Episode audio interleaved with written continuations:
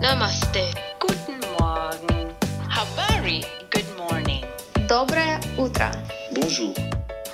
Dobro jutro in pozdravljeni v novi epizodi podcasta Neostavljiv v ponedeljek zjutraj. Z vami sem Dejan Prednik in tukaj je novo ponedeljkovo jutro.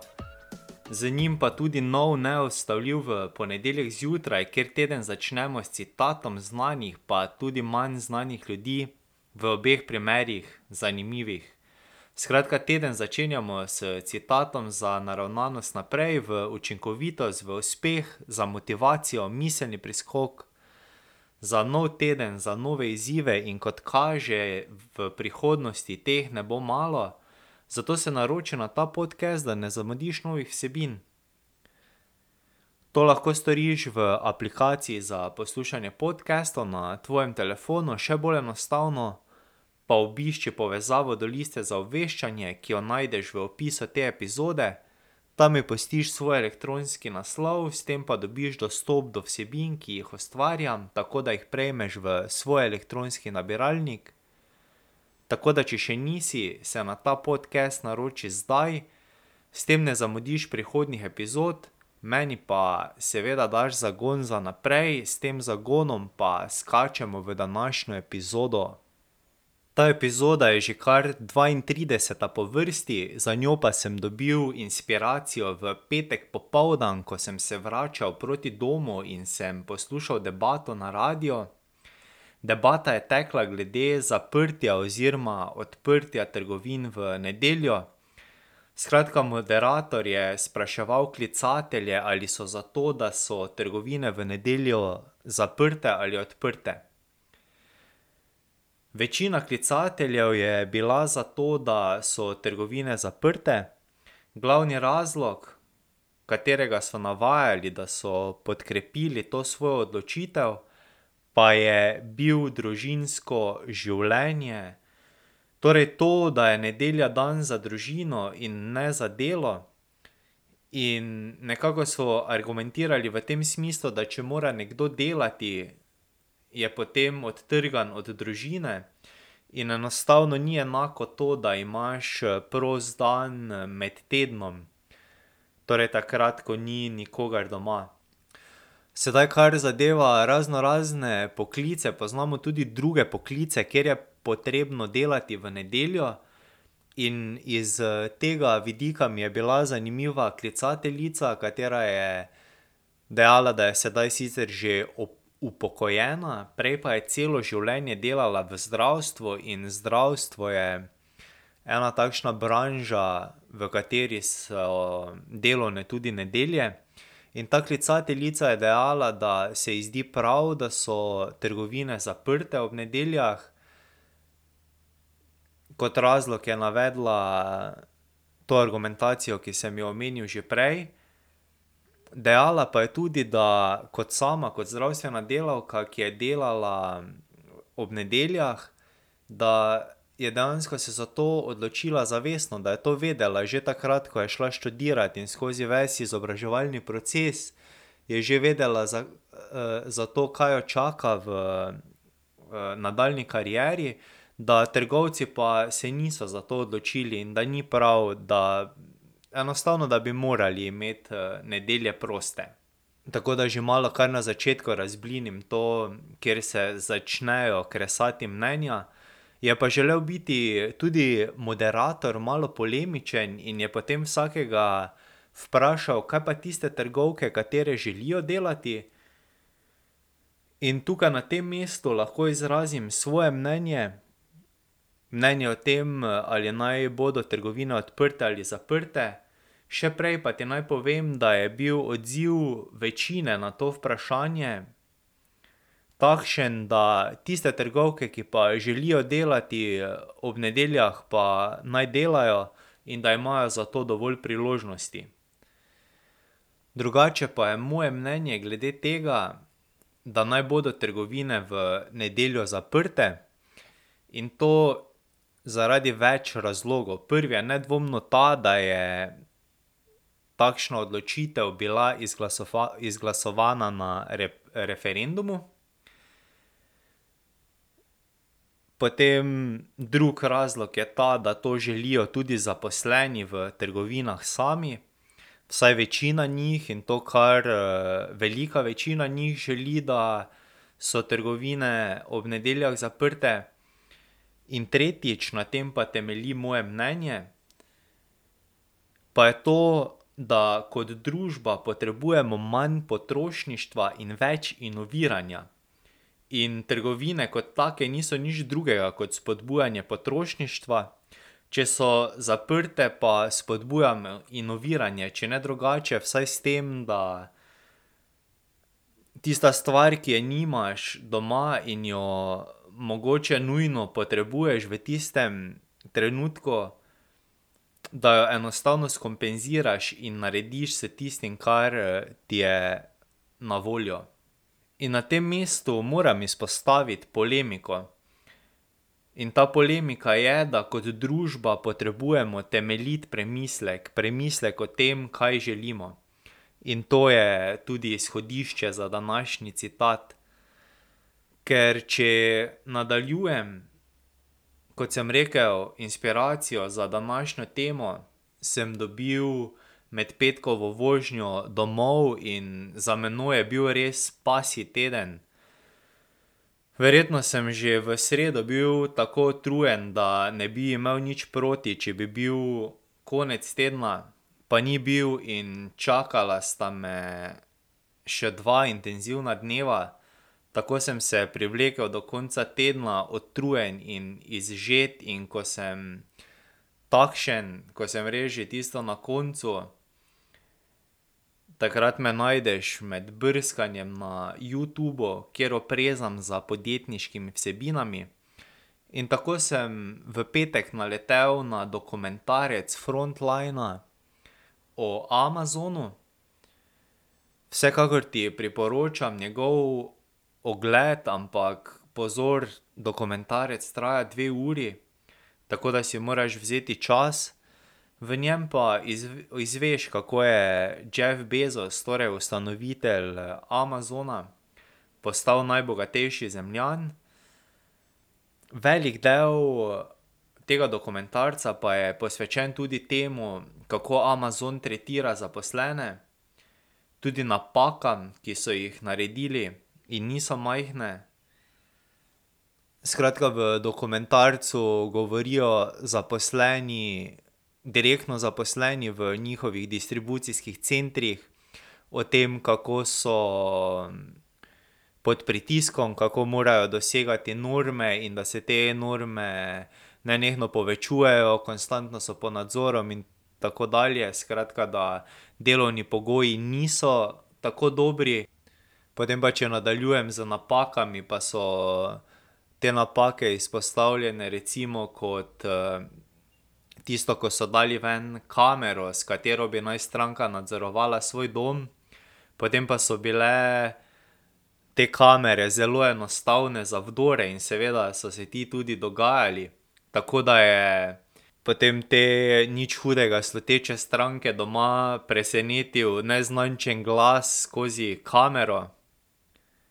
Torej glas tistega, ki je vdrl v njo in opazoval dogajanje v tvojem domu. precej srhljivo, se ti ne zdi? Pa potem tudi ta zvočnik, ki so ga lansirali in za katerega se je izkazalo, da posnetke poslušajo ljudje na Amazonu.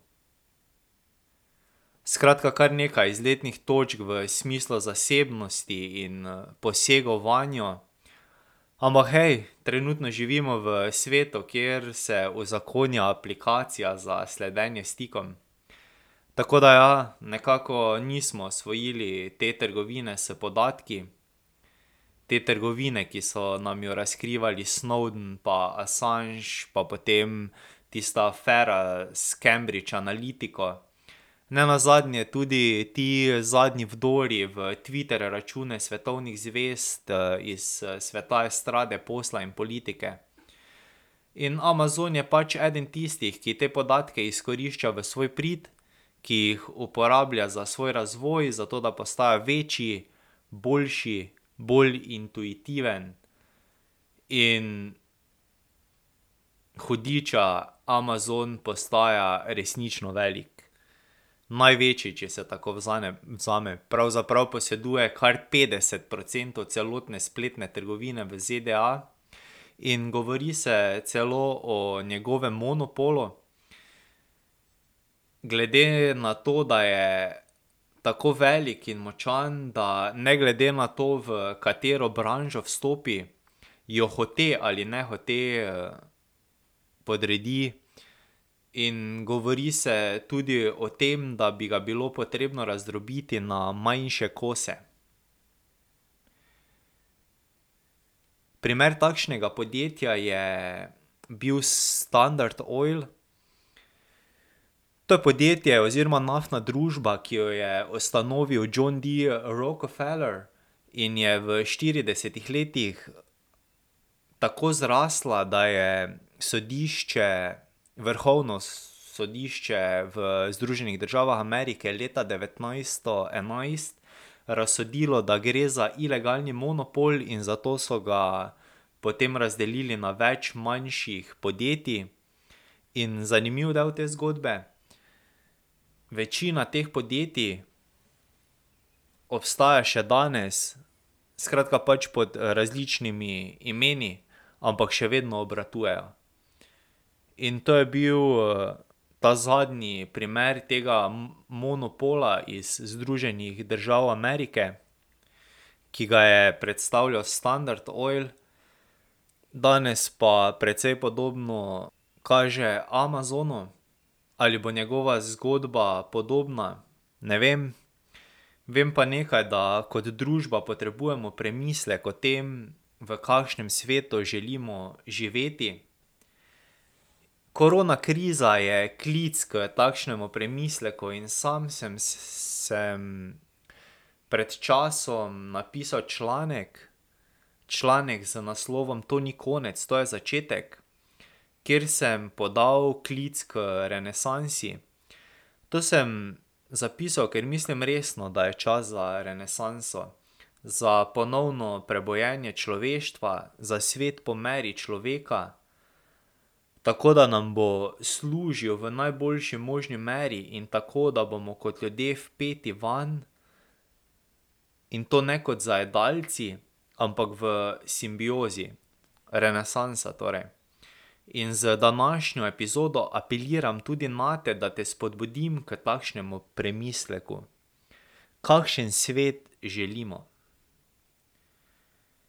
Pa ne v smislu, kaj bi moral nekdo narediti, zato da bi imeli takšen svet, ampak v smislu, kaj lahko naredimo sami, da ga bomo imeli. Ker ne glede na to, kako obračamo, je dejstvo, da svet kreirajo naše odločitve, naše vsakodnevne odločitve, od tiste prve, ko zjutraj vstanemo, do takrat, ko gremo spat. Vsaka odločitev, sprejeta v tem času, kreira svet, v katerem živimo, sami in potem iz tega ven vsi skupaj. Pa se ti zdi mogoče banalno, ampak kakšno hrano jem? Kje jo kupujem? Kje je pridelana? Kako preživim svoj čas? Sem potrošnik ali inovator? Ali v življenju čas izgubljam ali ga optimiziram? S kakšnimi materiali se zadovoljim? Dajem prednost ceni, kvaliteti, količini? Koliko lokalnih podjetij podpiram? Kaj je z dobrodelnostjo? Vidiš, to je samo nekaj vprašanj, na katere odgovori kreirajo svet, v katerem živimo, in od odgovorov na ta vprašanja pa še na kakšno zraven nam bo potem kreiralo tudi svet v prihodnosti. In to so tiste dnevne odločitve, skupek katerih pa potem rezultira v svetu, kateremu smo priča. A veš, politika ima odgovornost, ampak njena odgovornost je, da ulovi duh časa v neko vzdržno celoto, ki potem omogoča preživetje družbe, nič drugega. Politika ne rešuje glavnih problemov družbe, niti ni, tista, ki jih identificira. Politika je zgolj dejavnost, ki povezuje celotno družbo v neko sinhrono delovanje, da se pač prebijamo skozi čas. Kar resnično rešuje probleme, je inoviranje. Inoviranje je tisto, ki vodi človeštvo naprej. In samo, da zaključim to misel glede politike. Korumpirane družbe kreirajo korumpirane politike in ne obratno. Niso korumpirani politiki tisti, ki bi skorumpirali družbo. In iz tega vidika mislim, da je čas, da se začnemo tega tudi zavedati in da se zavedamo tega, da je svet takšen, ker smo takšnega skreirali. Jaz, ti, mi vsi skupaj. In glede na to, da z njim nismo zadovoljni, je potreben premislek o tem, kaj sploh želimo, kakšen svet hočemo. Sedaj iz vsega tega povedanega je nekako logično, da želim, da ostane fokus današnje epizode na tem premisleku o tem, kakšen bi naj svet izgledal, premislek o tem, kakšen svet želimo. Ker pa se mi izpostavlja Amazon in tudi njegovega ustanovitelja Jeffa Bezosa, sem potem nekako razmišljal, da bi uporabil njegov citat, čeprav on kot tak meni nikoli ni bil kot neki vzornik, kot neka izdelana oseba, po kateri bi se zgledoval. Ne glede na to, da je res uspešen in da je njegov uspeh je praktično neizpodbiten, saj ga vidimo, sploh se ne gre za to, ampak enostavno nam določeni tipi oseb sedejo bolj, določeni tipi oseb nam sedejo manj. Sedaj Jeff Bezos je po mojem mnenju dosti bolj kot inovatorski tip, je precej bolj menedžerski tip in iz tega menedžerskega tipa oseb mi je tako, da me res prepriča in da z veseljem prisluhnem kakšnim njegovim mislim, je Warren Buffet, tukaj pa mislim, da se tudi zaključi. Ampak nedvomno pa nista to edina dva, pač tudi ta Microsoftov Bill Gates recimo je po mojem mnenju dosti bolj menedžerski tip kot pa inovatorski. Sedaj da, da ti malo približam, o čem govorim, recimo ti inovatorski tipi, ki so meni dosti bližje, so pa recimo Steve Jobs nedvomno in potem Elon Musk. Pa tudi naši podjetniki, recimo, kot so Akrapovič, torej Igor Akrapovič pa potem ustanovitelj Pipistrela Ivo Boscarol, Duola Dušan Olaj. Skratka, ljudje, ki ustvarjajo nekaj novega, ki so postavili vse stvari na pravo mesto in iz svoje inovacije izpeljali uspešen poslovni model, to so vzorniki, ki prepričajo mene in katerim sledim in z veseljem prisluhnem, Jeff Bezos pa se mi ne zdi tak. Se mi zdi precej bolj usmerjen v menedžment, precej bolj usmerjen v marketing in v te vrste pripomočkov, ki jih združuje potem v uspešen poslovni model, pa ne mislim s tem, da, da ne inovira, Amazon tudi inovira, ampak njihovo jedro pa se mi zdi, da temelji na tem menedžerskem delu. In tako nisem našel tudi nobenega tako udarnega citata, ki ga bi želel podeliti, sploh pa ne v tem smislu, da bi obdržal ta fokus, današnji fokus, ki ga želim obdržati na tem, da je potreben premislek o tem, kakšno družbo želimo. Razen tega, da podkrepim svojo misel o tem, da v bistvu smo vsi odgovorni za to, kakšen svet kreiramo. In v tem smislu je Jeff Bezos podal misel, ki pravi: What's dangerous is not to evolve oziroma kaj je tisto, kaj je nevarno, je to, da se ne razvijaš, da ne napreduješ. In to je misel, ki bi ti jo želel predati v današnji epizodi Neustavljiv v ponedeljek zjutraj. Kajti v tej misli je skupek vsega, kaj želim, je skupek tega naboja, ki ga želim predati z današnjo epizodo, in je tudi skupek tega, v čem tiči uspeh Jeffa Bezosa pri tem, da je postal najbogatejši Zemljan na svetu. Seveda, kje pa drugje. V glavnem, Jeff Bezos je obseden s tem, da se ukvarja s stranko. Da se ukvarja s tem, kaj stranka želi, kako se stranka obnaša, kako nakupuje. Skratka, vsi aspekti stranke so pri Amazonu pokriti in so zakon. In v tem smislu se nenehno razvijajo in grejo naprej in iščejo nove rešitve in se poglabljajo in prepoznavajo nove probleme in jih naslavljajo. In to je točno to, o čem govori današnja misel. Torej, da se, da se je potrebno posvetiti napredku, da je potrebno nenehno imeti fokus na tem, da napredujemo, ker drugače tvegamo propad.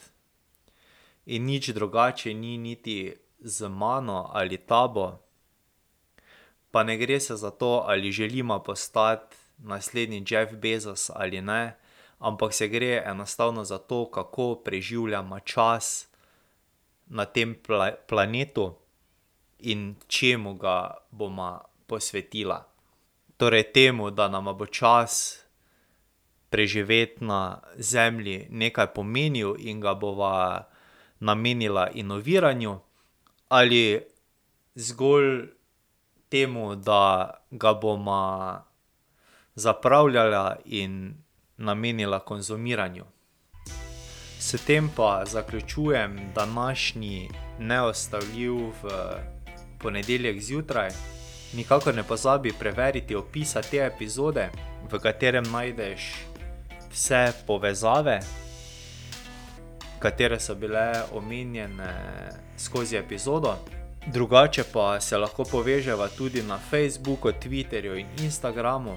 Najdeš me pod afnadeam prednik in hashtagom neustavljiv.